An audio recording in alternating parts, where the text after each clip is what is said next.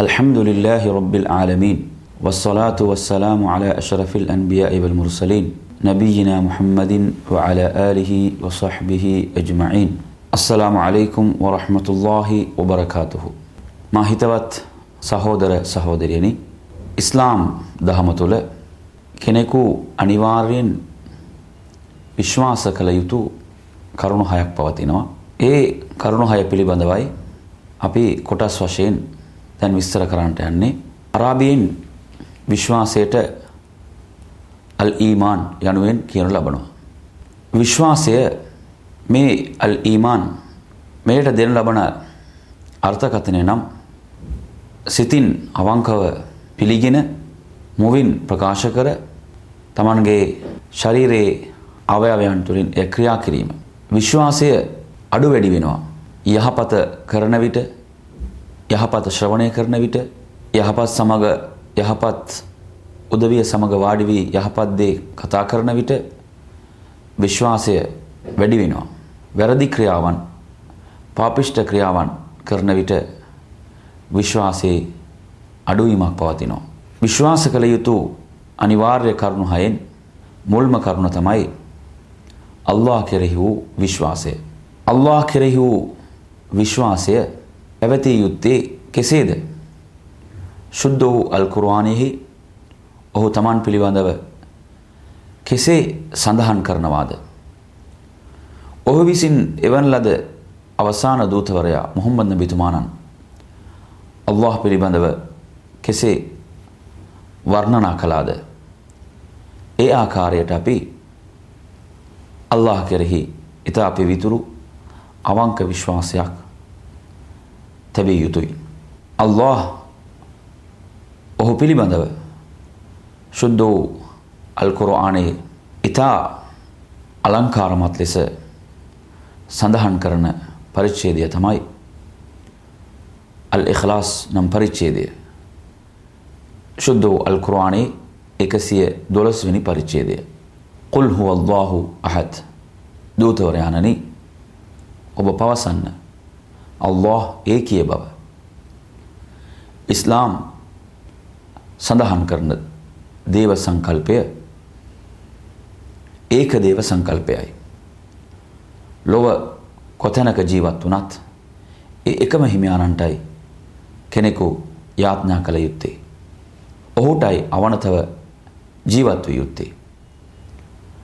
මෙය තවත් තහවුරු කරන ශුද්ධ අල්කුරාණයේ පාඨයක් තමයි අල්කුරාණයේ ප්‍රථම පරිච්ඡේදය වන අල්ෆාතිහා පරිච්ඡේදයේ මුල්ම පාඨයේ සඳහන් වෙනවා අල්හම්දුලිල්ලාහි රබ්බිල් ආලමීන් මුළු මහත් විශ්වයේම පාලකයාණන් වන අල්ලාහට සියලු ප්‍රශංසා හා පැසසුම් අයිති.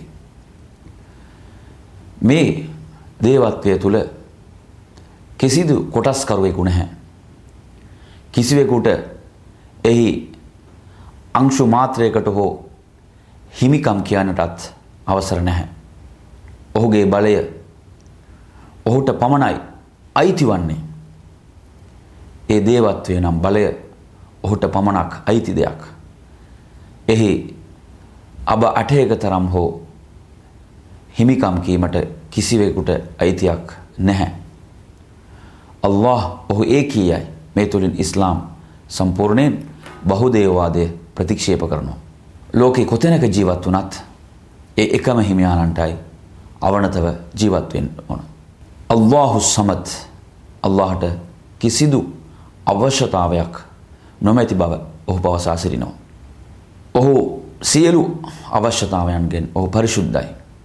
මිනිසා ඔහුගේ නිර්මාණයන් සෑම මොහොතක් පාසාම ඔහු කෙරෙහි අවශ්‍යව සිටිනවා. ය අයියුහන් නාස් අන්තුමුල් ෆොකොරා මිනිසුනි ඔබලා අල්له කෙරෙහි අවශ්‍යව සිටින පිරිසක්. ඔබලා දිලින්දන් දුප්පතුන් වශයෙන් සිටින ඔබලා අල්له කෙරෙහි ඔහුගේ පිහිට කෙරෙහි හැම නිමේෂයක් පාසාම අවශ්‍යව සිටින පිරිසක් බව ඔහු සඳහන් කරනවා. ඔහුට කිසිදු අවශ්‍යතාවයක් නැහැ. ඒ වගේම ලම් යලිද් වලම් යූලද්. ඔහු කිසිවෙකුට උපත ලැබුවේද? ඔහු දාව කිසිවෙකු උපත ලැබුවේද නැහැ. හුවල් අවවල් අල් කුර්ආනයේ වෙනත් ස්ථානයක සඳහන් වෙනවා මෙන්න මේ ආකාරයට 57 වෙනි පරිච්ඡේදයේ තුන්වෙනි පාඩේ වශයෙන් මේ සඳහන් වෙනවා. හුවල් අවවලු වල් ආඛිර් ඔහු තමයි ආරම්භකයා. ඔහු තමයි අවසානවන්තයා. ඔහුට පෙර ආරම්භයක් නැහැ. ඔහු තමයි මේ විශ්වයේ සියල්ල මවපු මැවුම් කරුවානම් නිර්මාතෘවනයනම් නිර්මාතෘයාට පෙර ආරම්භයක් තිබෙන්නට බැහැ. අල්ලාහු khaliqu කුල්ල ෂයි. ඔහු සඳහන් කරනවා මේ විශ්වයේ පවතින සියල්ල මවපු මැවුම් කරුවා නිර්මාතෘරයා ඔහු බව. ඉතින් ඔහුට ඔහු කිසිවෙකුට උපත ලැබුවේ නැහැ. ඔහුට දෙමාපියන් නැහැ. ඔහු තමයි ආරම්භකය. ඔහුගේ ශක්තිය බලය අද්විතීයයි. ඒ වගේම ඔහු දාව කිසිවෙකු උපත ලැබුවෙත් නැහැ. කිතු බැතිමතුන් යේසුස් වහන්සේව දෙවියන් වශයෙන් අදහන පිරිස් දේව පුත්‍රයාණන් වශයෙන් අදහන පිරිස් සිටිනවා. නමුත් ඉස්ලාමය සම්පූර්ණයෙන් ප්‍රතික්ෂේප කරනවා. එතුමාණන් අල්ලාහගේ දූතවරයෙකු පමණයි. එතුමන් දෙවියන් හෝ දෙවියන්ගේ පුත්‍රයාණන් හෝ නොවේ. මෙය පැහැදිලිව මේ පාඨය තුලින් අනාවරණය වෙනවා. ඔහුදාව කිසිවෙකු උපත ලැබුවේ නැහැ.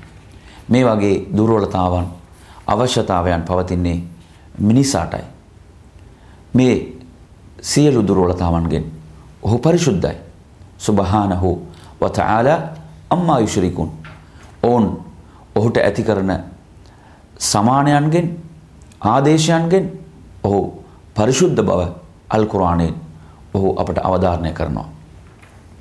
ඒ වගේම වලම් යකුල්ලහු කුෆුවන් අහත්. ඔහුට සමානව මේ ලෝකෙ කිසිවක් හෝ කිසිවෙකු නැහැ. සමහර අය හැම විටම යොමු කරන ප්‍රශ්නයක් තමයි මුස්ලිම්වරුන් ඇයි රූපවලට යාඥා නොකරන්න ගියා. රූපවලට කොහෙත්ම යාඥා කිරීමට ඉස්ලාම් තුළ අවසරයක් නැහැ. හේතුව මේ මුළු මහත් විශ්වය මවපු මෙවුම් කරවානන් නිර්මාතෘණයන් ඔහුට කිසිවක් අපි සමාන කරන්න බැහැ.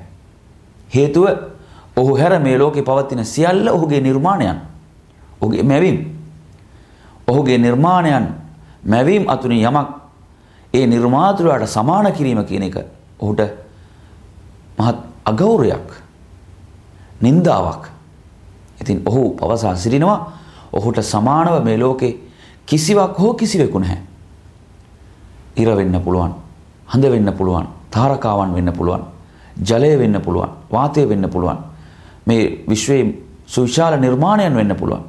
සියල්ල ඔහු මවප ඔහුගේ නිර්මාණයන්. ඉතින් කිසිවක් අපි ඔහුට සමාන කිරීමට බෑ. ආදේශ කරන්නට බෑ. අපි ඊට පිවිතුරුව සියලු යාඥාවන් ඔහුට යොමු කළ යුතුයි.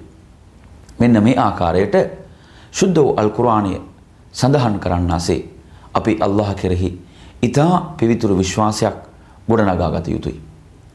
ඒ වගේම ඔහු ඔහුගේ ඊටා සුවිශේෂී වූ ගුණාංගයන් පිළිබඳවත් අල් කුර්ආනයේ নিরතුරුව ඔහු ප්‍රකාශ කරනවා. මේ ඒකදේව සංකල්පය තුල කොටස් තුනක් පවතිනවා.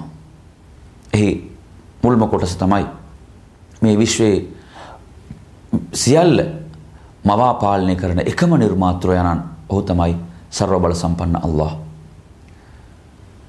අපි මෙය විශ්වාස කළ යුතුයි.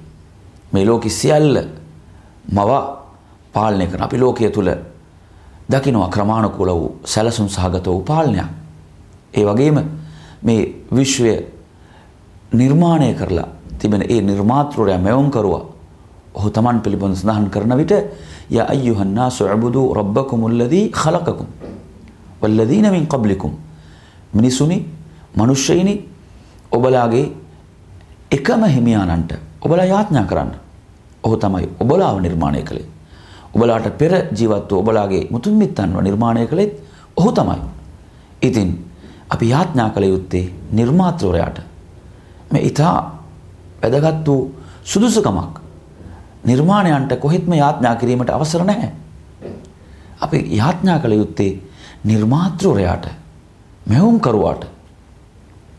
ඒ වගේම තමයි ඔහු සඳහන් කර සිටිනවා වතවක්කල් අලල් හයියි الذي لا يموت සදාතනික වූ අවසානයක් හෝ මරණයක් හෝ නොමැති හිමියාණන් වෙත ඔබගේ සියලු කාර්යයන් ඔහු වෙත බාර කරන්න කියලා අල්ලාහ් ශුද්ධ අල් කුරානෙන් අනකර සිටිනවා 25 වෙනි පාඩේ 50 25 වෙනි පරිච්ඡේදයේ 58 වෙනි පාඩය වශයෙන්.